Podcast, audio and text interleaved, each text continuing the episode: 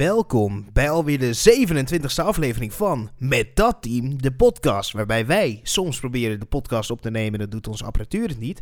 En Facebook, Instagram, WhatsApp ligt er allemaal uit. Guus, vertel eens, wat is er aan de hand daar? Ja, het eh, ligt helemaal plat. Geen WhatsApp, geen Facebook, geen eh, Instagram. Maar eh, ja, het lijkt wel of ze dachten dat niemand wist van de algoritmes van Facebook. En dan komt de klokkenluider aan en denkt Facebook, oké, gooien we alles plat. Ja, het is wel heel pijnlijk wat er gebeurd is. En voor, ook voor ons, want wij kunnen natuurlijk niet onze, in, eh, onze podcast eh, promoten. Dus eh, nemen we het nu op. Maar ja, niemand zal het weten, want niemand kan het weten. Het is best wel pijnlijk. Maar Guus, normaal vraag ik je altijd, hoe was je weekend? Dus Guus, hoe was het weekend? Ja, wij waren natuurlijk een eh, deel van het weekend eh, gewoon eh, samen. We zijn lekker naar het Fout Oktoberfest geweest hier in eh, het mooie Nijmegen, in de Goffert. Ja, dat was. eh, Het is niet helemaal mijn muziekstijl natuurlijk, het Foute Oktoberfest. Eh, ik vind het wel heel leuk. Eh, ik vind het jammer dat een paar van mijn singlevrienden niet meer actie ondernamen met alle mooie vrouwen daar in een derendeel eh, kostuum. Want die waren er genoeg. Maar wel leuke dingen gebeurd. Maar dat is niet voor een podcast natuurlijk. Dat is voor dronken avonden om daarna na te vertellen. Maar Guus, hoe was je het weekend verder? Had je nog iets leuks gedaan? Of zat er nog iets in? Nou, als ik nog even terugkom op Fout Oktoberfest natuurlijk. eh, er waren wat eh, aparte combis die ik eh, van tevoren niet had ingecalculeerd. Maar, maar ja, hè, het was weer een festival. Weinig contact, mensen zoeken, geen bereik. Ja, dus dat was wel weer lachen. Jullie hebben me gewoon... De ste- je, je moet denken, hè, ik, ik was daar dan hè, en ik ga poffertjes halen. Ik dacht, op een festival ga poffertjes halen voor, wat is het, 9 euro of zo. Heb ik 9 euro betaald voor een portie poffertjes. Ik ga zitten, ik ga het eten, ik kijk om, mijn vrienden weg. Geen bereik. Ik kon niet bellen. Dus ik heb eh, twee uur lang alleen lopen struinen op het Toverfest. eh, maar het was, eh, was best prima, was best gezellig. Kwam Volgens- terug. Volgens mij was ik zelf weg voordat jij wegging. En vervolgens heb ik je wel teruggevonden. Dat is zeker waar. Dus goede dingen kunnen ook gebeuren bij die festivals. Maar jongens, laten we het hebben over de, het allerbelangrijkste. We gaan het hebben over voetbal. En we hadden natuurlijk wereldkampioenschap voedsel. Eh, die gewonnen werd met een geweldige wedstrijd tussen Argentinië tegen Portugal. Maar wat ik het allermooiste vond, was dat in de eerste helft het speler van Argentinië dacht eh, tegen de beste, de beste speler van, de, van Portugal. Laat me jou zijn stomp in je maag geven. VAR komt erbij. Rode kaart. Eraf gestuurd. En uiteindelijk verliest Argentinië een finale. En het, eh, dat is genieten voor mij als Brazil supporter. Maar we hadden ook Nederlands voetbal natuurlijk, Guus. En eh, laten we even langs de wedstrijden gaan. We gaan snel doorheen vliegen. En bij sommige wedstrijden blijven even langer stilstaan. Dus laten we beginnen bij Grun tegen Twente. FC Groningen tegen Twente. Natuurlijk een topwedstrijd. En het werd eigenlijk voornamelijk eh, beslist door de VAR. Het werd 1-1. Natuurlijk een geweldige goal. Eh, vertel ons iets over, dan gaan we praten over dat VAR-momentje. Maar vertel ons even iets over de twee goals. Dan gaan we even snel hebben over dat VAR-momentje.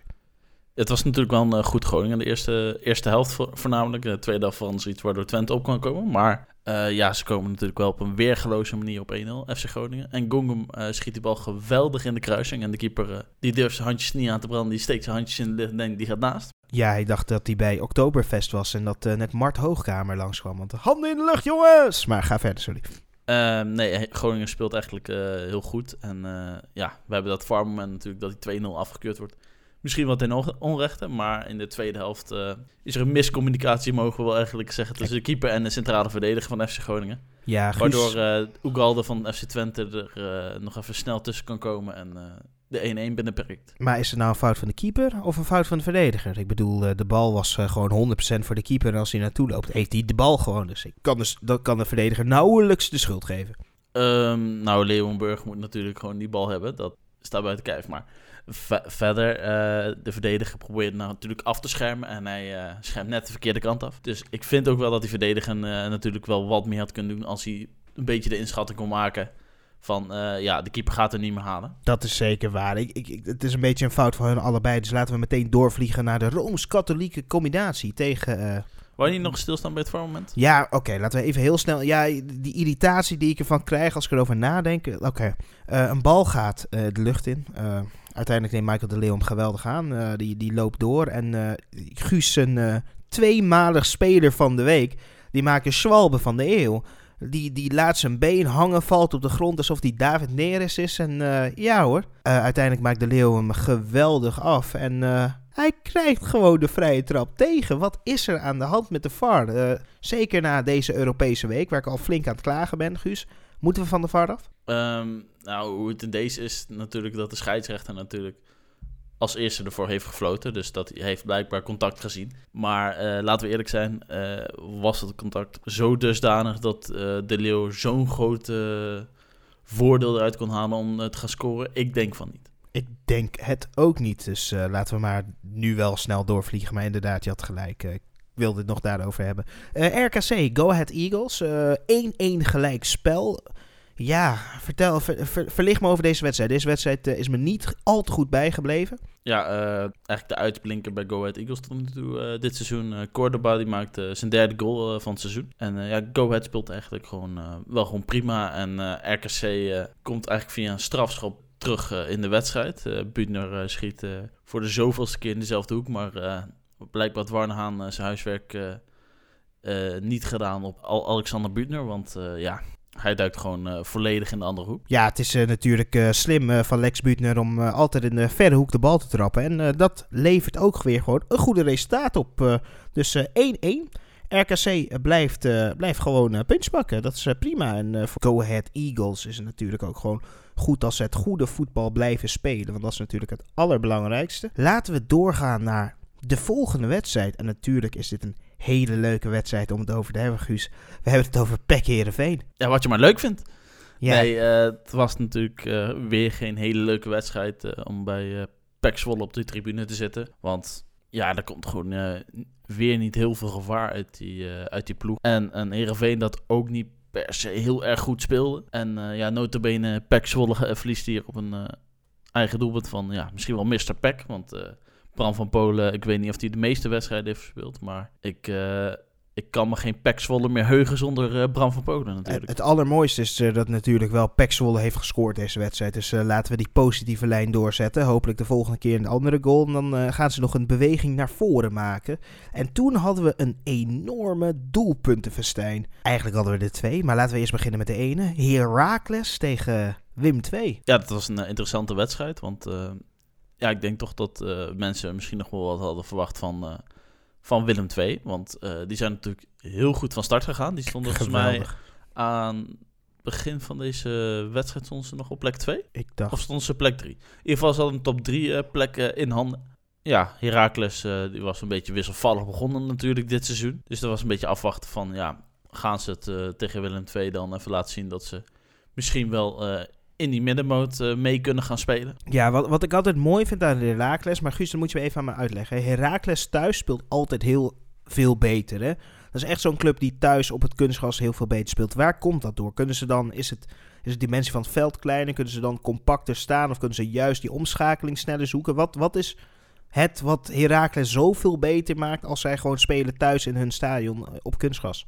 Um, ja, misschien dat het publiek ook wel een factor speelt. Ik, uh, niet dat ik zo uh, bekend ben met de sfeeracties in het stadion van Heracles, maar uh, dat zal een rol van betekenis spelen. En ze zijn natuurlijk ja, een van de weinige clubs die nog op kunstgas spelen. Volgens mij samen met PEC en Cambuur. Zij zijn nog de enige. Sparta? Sparta? En Sparta. En ja, Heracles speelt eigenlijk al jaren op. En je ziet eigenlijk toch wel dat, dat, ze, ja, dat ze daarmee vertrouwen op hebben. En misschien zelfs komt het door dat de juist de tegenstander misschien op sommige punten of sommige acties wat uh, is uh, in de uitvoering daarvan. Dat, dat, dat denk ik ook. Ik denk sowieso dat ze wel uh, mooi aanvallend snel voetbal kunnen spelen. Het is natuurlijk veel reactiever, hè, dat, dat kunstgras. Maar je ziet wel dat Herakles het altijd goed doet. En een van onze uitblinkers, want de wedstrijd werd 3-2, dus het was echt een enorme doelpuntenverstijn, was Raj Vloed. Die ik ook wel de vloedgolf heb genoemd. maar ik kan hem nu beter tsunami gaan noemen. Jezus. Nee, uh, nee Rijvloed uh, speelde goed, goaltje assist. En uh, ja, wie natuurlijk ook een weergeloze wedstrijd speelde was Delano Burgzorg. Die ook knap die 2-0 binnenschiet, rustig blijft. Gewoon nog even, ja, eigenlijk doet alsof hij gaat schieten. De keeper trapt erin. Zelfs de cameraman die ging mee met de camera zo. maar toen moest de cameraman toch weer even terug naar Delano. Maar ja, gaat voorbij de keeper daardoor en dan schiet hij hem lekker in lege doel. En uh, gaan ze met 2-0 de rust in. En uiteindelijk uh, wordt het nog spannender in de tweede helft. Want uh, Willem II komt aan de hand van uh, Mats Keulert en Max Svensson toch weer terug in de wedstrijd. Maar Zeker. Ja, daar blijft het niet bij. Laatste minuut ongeveer komt er een voorzet en uh, uh, die, uh, die maakt hem af. En het is geweldig. Het weet je wel, er is nooit iets mooiers dan in de laatste momenten, op het laatste moment een goal maken. Maar dit was wel ook heel lekker. Vooral als je thuis speelt, die goal maken, lekker vieren. Dus uh, geweldig. En de laatste wedstrijd die we die dag hadden, en ik heb zo'n gevoel dat jij daar over wil praten, maar was natuurlijk de Great Upset in, in Sittard. Het was, het was jammer voor Fortuna natuurlijk, maar maar het was uh, de Sean Okita Show. Uh, ja, het was een, uh, gewoon een goede wedstrijd van de kant van NEC.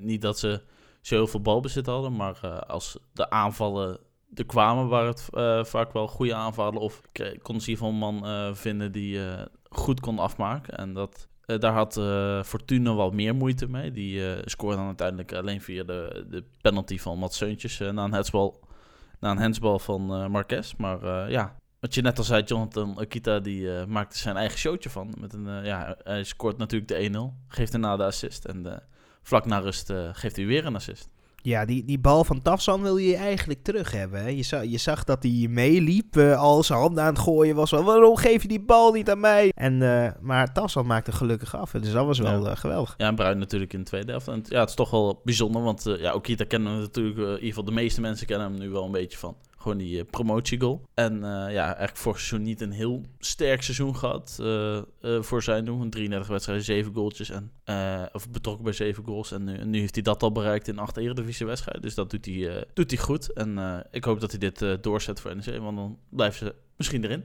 Yes, en de volgende wedstrijd is natuurlijk, daar komen we zo op terug. Maar dat is natuurlijk NEC Vitas of uh, eh, NEC Vitesse. NEC de, dar Vitesse, de uh, derby van Gelderland. De enige derby van Gelderland die uh, noemenswaardig is. Maar laten we maar even doorgaan met de volgende wedstrijd. Het was in het verre noorden. Cambuur, die natuurlijk geweldig aan het doen is tegen AZ Alkmaar. En ja, het was tijd voor de linksback volgens mij. Want Owen Wijndal die had er geen zin in om...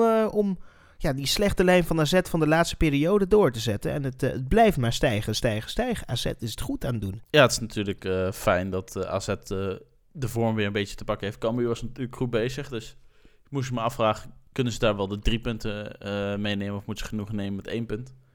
Maar je zag in deze wedstrijd al vrij snel dat AZ een maatje te groot was voor de formatie uit Leeuwarden. Ja, maar ja, om heel eerlijk te zijn, met dat team mogen ze ook helemaal niet verliezen van, uh, van Cambuur. En uh, dat doen ze ook niet. En ik vond vooral de rol van Wijndal gewoon heel goed. Je ziet gewoon op momenten waar het nodig is, dat hij gewoon, als hij een beetje over die linkervleugel heen kan gaan. En echt eigenlijk feitelijk als een buitenspeler kan spelen, zie je gewoon dat Wijndal het gewoon heel goed doet. Alleen op momenten dat je hem niet in die positie laat komen, is het eigenlijk een vrij beperkte speler en ook niet een hele sterke verdediger. Dus je ziet daar wel een beetje verschil ontstaan. En ik hoop dat als Wijndal dit vasthoudt en ook goed blijft doen, dat zometeen natuurlijk een, eh, een verrassende rol kan spelen bij ons Nederlands elftal. Maar geweldige 1-3 overwinning voor AZ. En laten we dan doorgaan bij... Uh, ja, we hadden topwedstrijden. Maar laten we eerst even PSV doen tegen Sparta Rotterdam. En ik vond het mooi. Ik heb, uh, ik heb de lange samenvatting gezien. Ik heb een deel van de wedstrijd teruggekeken. En de wedstrijd begon ongeveer bij de 70ste minuut, Guus. Ja, het was een uh, teleurstellende wedstrijd natuurlijk. Want uh, laten we eerlijk wezen, oké, PSV uh, dachten we, nou, Stormgras verslaan ze met 4-1. Misschien gaat het nu in de Eredivisie ook weer wat makkelijker voor ze. Alleen, ja, het, ze kwamen natuurlijk op achterstand natuurlijk tegen Sparta. Die werd door de VAR dan uiteindelijk teruggedraaid. En ehm, ja, daarna gebeurt eigenlijk heel lang vrij weinig, in ieder geval vrij weinig uh, relevants om te bespreken met hele grote kansen of zo. En uh, ja, inderdaad, wat je net al zei, het duurt eigenlijk uh, ruim een uur voordat, voordat PSV echt heel gevaarlijk wordt. En ja, dan hebben we in de minuut 82, geloof ik, de knal van Sangare. Ja, ik kijk zo'n zo'n YouTube-kanaal, dat heet The, The Athletic of zo, dacht ik. En uh, zij hebben het altijd over die ene speler die geweldig is. Die ene speler die elke topclub moet kopen. Want zijn stats zijn zo goed dat ze moeten hebben. En dat is altijd Ibrahim Sangare. En ik zag het nooit echt, weet je wel. Ik zie wel gewoon dat het een goede speler is. Maar uh, die actie die hij maakt, dat hij kap naar links en dan pap weer naar rechts. En dan die bal met de binnenkant neemt. is echt on ongelooflijk. Wat een ongelofelijke topspeler. Dat is echt een ander niveau, die Sangaré. Dus uh, ik schrok daarvan. Ja, het is, is meer een speler. Als je hem zo ziet, verwacht je dat het gewoon een, grote, sterke CVM die ja, vooral de klootzak moet zijn op het middenveld. Om even iedereen uh, neer te trappen of even een uh, goede sliding in te zetten op het middenveld als het nodig is. Maar ja, hij gaat er op een ja, leuke manier langs en knalt hem gewoon vrij hard met zijn binnenkant voeten de rechterkruising in. Ja, het is echt ongelooflijk. Uiteindelijk maakte Ryan Thomas na weer een geweldige optreden van Cody Gakpo zelfs de 2-0. Uiteindelijk blijkt Ramaljo te denken van, nou ja, een clean sheet. Ja, dat gun ik niet. Dus uh, die, die, die geeft de bal weg en geeft een voorassist uh, op, uh, op, op de goal uiteindelijk van Lennart Ja, het is wel beschamend. Als je zo'n goal tegenkrijgt, ja, moet je dan tevreden terugkijken naar de wedstrijd of denken van, nou, dit, dit mocht ook niet gebeuren. We zijn een topclub volgens mij. Ja, ze hebben natuurlijk wel heel veel schoten gehad. Natuurlijk niet allemaal even gevaarlijk. Maar uiteindelijk ben je dan gewoon tevreden. Omdat, omdat ze gewoon zo moeizaam vielen. Denk ik toch wel dat je tevreden bent gewoon met de drie punten. Want daar doe je het voor. En uiteindelijk, ja, we gaan het zo hebben over Ajax. Want uh, de achterstand is met deze winst daardoor ook wel uh, verkleind. Het is heel klein geworden zelfs. En het was natuurlijk ja, je hebt natuurlijk Ajax. En Ajax heeft één angstgekner in Nederland. En dat is de FC uit Utrecht. Die 15 minuutjes met de trein naar het volgende stadion. En het is echt ongelooflijk wat een lekkere sfeertje is. En wat nog mooier maakte. Het was Timber tegen Timber. Maar Timber begon op de bank, terwijl Timber in de basis eigenlijk in de laatste tijd een vrij sterke rol heeft gespeeld. En ik snap niet dat hij Timber niet liet spelen, maar Timber natuurlijk wel speelde. En uiteindelijk moet je gewoon kijken naar het moment dat Timber erin komt en eigenlijk alles voor Timber verpest. Ik heb het natuurlijk over Jurjen en Quinten, want het gaat natuurlijk over de gebroeders Maduro slash Timber. Uh, als je ze kent via verschillende voetbalsites, zijn ze nog Maduro, maar we hebben het over de Timbers. Maar het is eigenlijk een kansenfestijn wel van Ajax. Uh, eh, 20 schoten, maar 6 op doel. En dat, dat vertelt al genoeg over hoe goed het ging bij Ajax. Want uh, de trekker konden ze niet overhalen. Het, uh, het leek wel Pasen voor Utrecht. Of yes. voornamelijk Paas. nee, Ajax speelt natuurlijk ja, prima. Het was niet heel erg geweldig, mogen we eerlijk zeggen. Dat komt misschien ook een beetje door de spelopvatting van Utrecht in deze wedstrijd. Want die, ja, die speelde natuurlijk wat je wel een beetje moet doen tegen Ajax uh, van de laatste tijd. Gewoon wat verdedigender staan, goed verdedigen. Wat verdedigen? En, dan, en, dan, ho en dan hopen op, uh, op de counter eruit te komen. En dat is uh, uiteindelijk in de tweede helft ook gelukt. En wat je net al zei met je woordspeling... is dat ja, Maarten Paas natuurlijk ook meermaals reddend optrad. Ja, Paas was echt geweldig. Vooral één keer dat hij drie schoten tegenhield. En de laatste van Tadic, die Tadic gewoon er makkelijk in moet tikken. Maar op een of andere manier is Tadic gewoon het helemaal heeft gewoon helemaal niet. Ja, weet je wat ik raar vind aan Ajax? Is dat uh, op het moment dat je gaat spelen met buitenspelers. Hè, je wilt gewoon spelen met buitenspelers. Je wilt dat zij over de vleugel rennen. En daartussenin vindt heel veel voetbal plaats. Als jij heel veel verdedigers hebt in de 16, dan laat je die buitenspelers zo ver mogelijk op die vleugel staan om zoveel mogelijk ruimte te creëren. En wat doet Ajax, of wat doen al die buitenspelers? Ook toen Darami erin kwam, die lopen allemaal naar binnen. Dat komt omdat ze allemaal verkeerdbenige spelers zijn op hun vleugel. Dus Darami kan niet heel makkelijk de achterlijn gaan zoeken. Al doet hij dat wel heel vaak. Maar kan hij niet. En Anthony gaat dat ook niet doen. Neres gaat dat ook niet doen. En dan krijgt dat iedereen de 16 in moet komen. Ja, dat is vol. Daar is het druk. En dan scoor je niet. En dat heeft Ten Hag helemaal aan zichzelf te wijten. Want één simpele omzetting door Berghuis bijvoorbeeld als linksbuiten te gebruiken... had ze veel kunnen opleveren. Maar wat ik mooi vond... Ja, we kunnen het de blunder van Pasveer noemen. Want laten we eerlijk zijn... Uh, Onana had, uh, had een plaspilletje gepakt en die bal. Maar uh, dit was wel uh, heel erg, uh, erg mooie paas van, van Quinten. De beste timmer op het veld, met een assist. Ja, die had pas weer be best mogen hebben. Was het een heel slecht schot, dat nou ook weer niet. Maar het was ze zeker een houdbare bal. Maar ik, vind vooral die, die paas die Timber geeft op Warmerdam... dat is met de vreef, hard, strak. Dat Warmerdam hoeft hem alleen één keer aan te nemen, kon afleggen. Dus wat een geweldige bal. Echt... Misschien wel iets voor Ajax? Hè? Nee, dat gaan we niet meer zeggen. Maar het was een, eh, een leuke wedstrijd. Ik heb er eh, goed van genoten. En uh, wie weet, Utrecht staat nu op uh, plek 3, geloof ik. Dus wie weet kunnen ze wel voor die directe Europese plekken meedoen. Voor de Europa eventueel. Zeker, en als ze zo doorgaan, laten we eerlijk zijn, uh, ze hebben maar twee punten minder dan Ajax. Uh, kunnen we zelfs gaan uh, roepen om een Champions League plaats natuurlijk, als ze het zo blijven doen. Dus hopelijk doet Utrecht gewoon goed. En dit is ook wel leuk voor de Eredivisie, hè? want anders was Ajax helemaal uitgelopen. Het is goed dat het lekker spannend blijft. En dan moeten we nog één wedstrijd doen. En dat is een van de mooiste wedstrijden die ik heb gezien dit weekend van ja, de grootste club van Gelderland, volgens sommige mensen. Het is natuurlijk uh, Vitesse tegen Feyenoord. Nee, zonder cultuur. Maar uh, nee, uh, ze, ze, hebben de gelden... Nee, nee, dit nee, ga ik, dit ga, dit ga Guus, ik allemaal niet Guus, ga nou niks slechts zeggen over nee, Vitesse. Dit, het, weet je wat wel mooi is? Dat ze daar wel nog steeds rekening houden met alle regels van Hugo de Jonge. Ze houden anderhalve meter afstand op, op, op de tribune. Ze vullen niet het stadion volledig. Dus dat is wel allemaal heel positief. Dat ze nog steeds wel alle maatregelen van de overheid blijven opvolgen.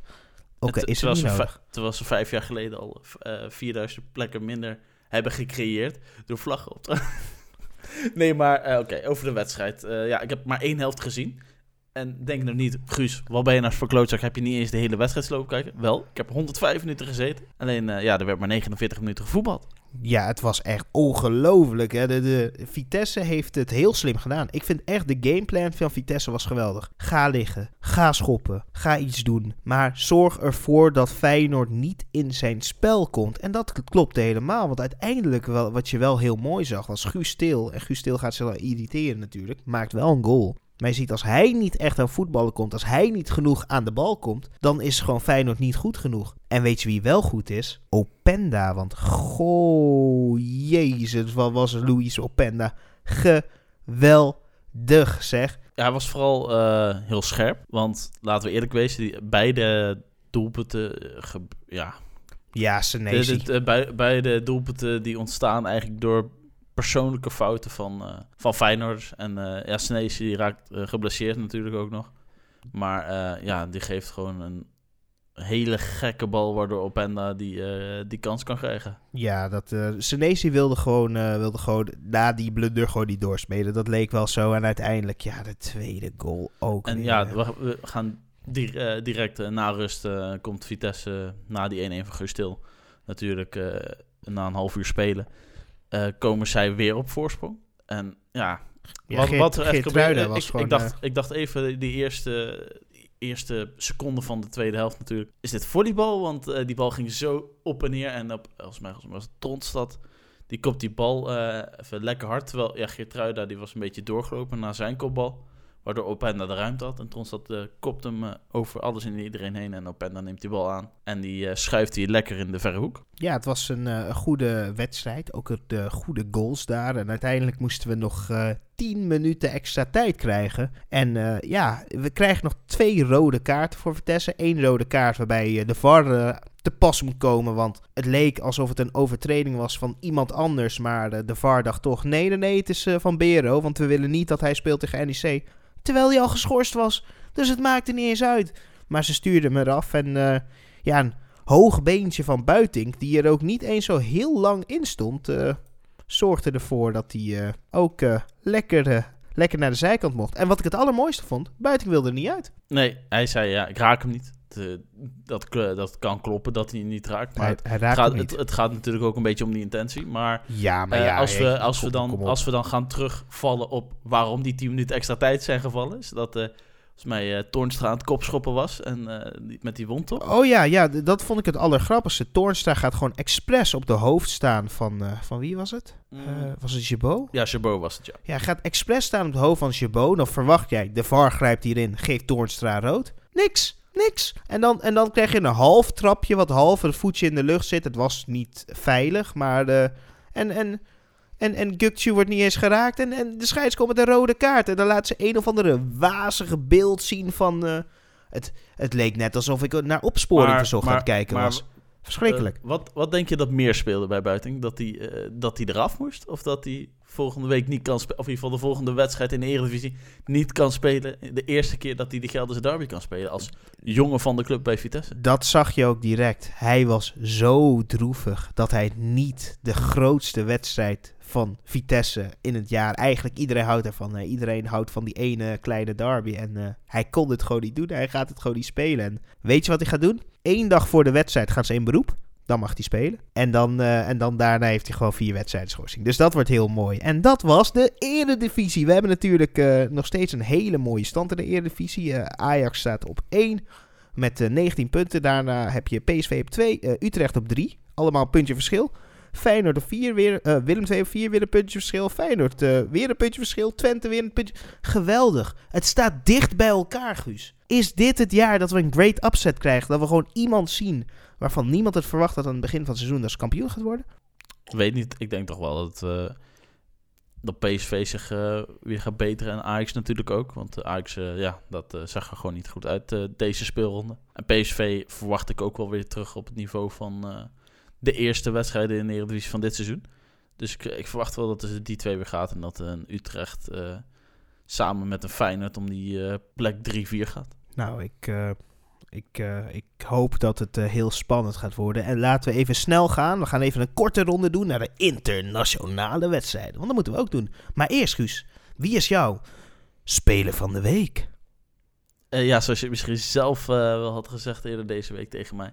Is misschien de slagerkeurt zijn eigen vlees. Maar ik ga toch voor Jonathan Okita met zijn goal en twee assists in, uh, in de 3-1 overwinning uit bij Fortuna Sittard. Ja, ik vind dat een hele terechte keuze. Het mag ook een keer. Hè. We mogen een keer andere clubs en andere spelers kiezen. Ik had, ik had ook wat spelers in de running. Maar jullie mogen ook allemaal natuurlijk thuis beslissen um, hè, wie het wordt. Jullie kunnen gewoon stemmen. Ja, Instagram werkt niet en uh, wat dan ook werkt niet. Maar jullie kunnen gewoon stemmen als dat weer online staat. En dan kunnen jullie de andere spelers van de week kiezen. En ik ga voor de speler die speelt voor de beste club van van Gelderland natuurlijk. Ja, ik, ik moet gaan voor Luis Openda. Want dat is gewoon de, de beste speler van, uh, ja, ja, van deze speelronde. Ik vond hem echt heel goed. En vooral tegen Feyenoord twee goals maken. Ja, dat is geweldig. Dat is echt en echt en echt geweldig. Dus uh, daar kan ik zeer van genieten. En dat heb ik ook zeer erg gedaan. Dus dat is mijn speler van de week natuurlijk. Guus, uh, op wie kunnen ze stemmen eigenlijk? Um, ja, ik denk dat we toch de keuze laten vallen bij de luisteraars natuurlijk en de volgers natuurlijk op Instagram.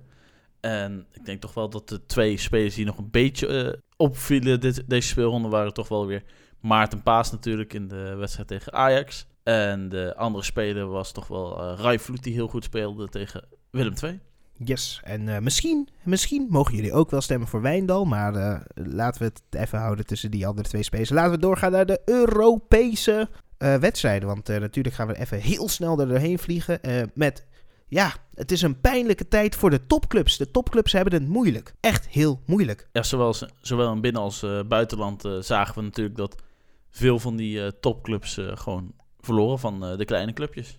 Ja, Bayern uh, gaat natuurlijk uh, af tegen Eintracht Frankfurt. Verliezen 2-1 uh, door Groningen-speler Filip Kostic. Die helemaal op het einde nog een lekker goaltje maakte. echt een geweldige ervaring natuurlijk. Maar ja, jammer voor Bayern. Maar het wordt nu ook een spannende Duitse eindstrijd. Dus dat, da daar hopen we natuurlijk allemaal op. En welke ja, grootmacht natuurlijk ook onderuit ging, was Paris Saint-Germain. Met alle topspelers eigenlijk in de voorhoede die in de baas stonden. Met Di Maria, Messi, Mbappé, Neymar. En uh, ja, dan denk je, dat is toch minimaal vijf goals. Maar uh, ja, dat bleven we bij nul. En Stade, Stade Ren die scoort gewoon twee. Sulemana met een geweldige assist op Laborde. Ja, Sulemana is goed hè. Is dat niet iets voor... Oh nee, wacht, hij wilde niet naar Ajax, maar... Ja, ik vind het wel grappig. Het blijkt dat echt voetbal geen FIFA is. Als je al die topspelers erin zet, scoor je niet vanzelf. Daarnaast hadden we natuurlijk uh, de topper in Spanje, Atletico Club de Madrid tegen FC Barcelona. En we verwachten natuurlijk allemaal dat Barcelona met dat sterke elftal wel kan winnen waar Koeman geschorst is. En uh, ze gaan 2-0 af door een geweldige goal van Luis Suarez ik kijk naar die wedstrijd. Ik, ik, ik had even net met Guus even wat uh, doorgenomen over de fouten die ik uh, Piqué zie maken met inlopen. En dat hij gewoon oud begint te worden. Dat hij niet meer kan inlopen om die gaten dicht te lopen. Dus hij stapt heel erg achteruit om juist zijn ja, lack aan speed te compenseren. Maar dat zorgt juist voor heel veel problemen. Denk je dat Barcelona met deze, dit zwakke elftal nog top 5 kan bereiken? Ja, eigenlijk. Uh, dit is denk ik een vast thema geworden in onze podcast onderhand. Want ja, we komen eigenlijk uh, telkens tot de conclusie dat het elftal of versleten is of gewoon kwalitatief tekort komt omdat ze ja, nog een beetje jong zijn en uh, weinig ervaring hebben op uh, dit niveau. Zeker in een wedstrijd als tegen een tegenstander Atletico. heb je toch wel meer ervaring en kwaliteit nodig. En moet dat talent er uh, uitkomen, wil je een kans maken in, in Wanda Metropolitano.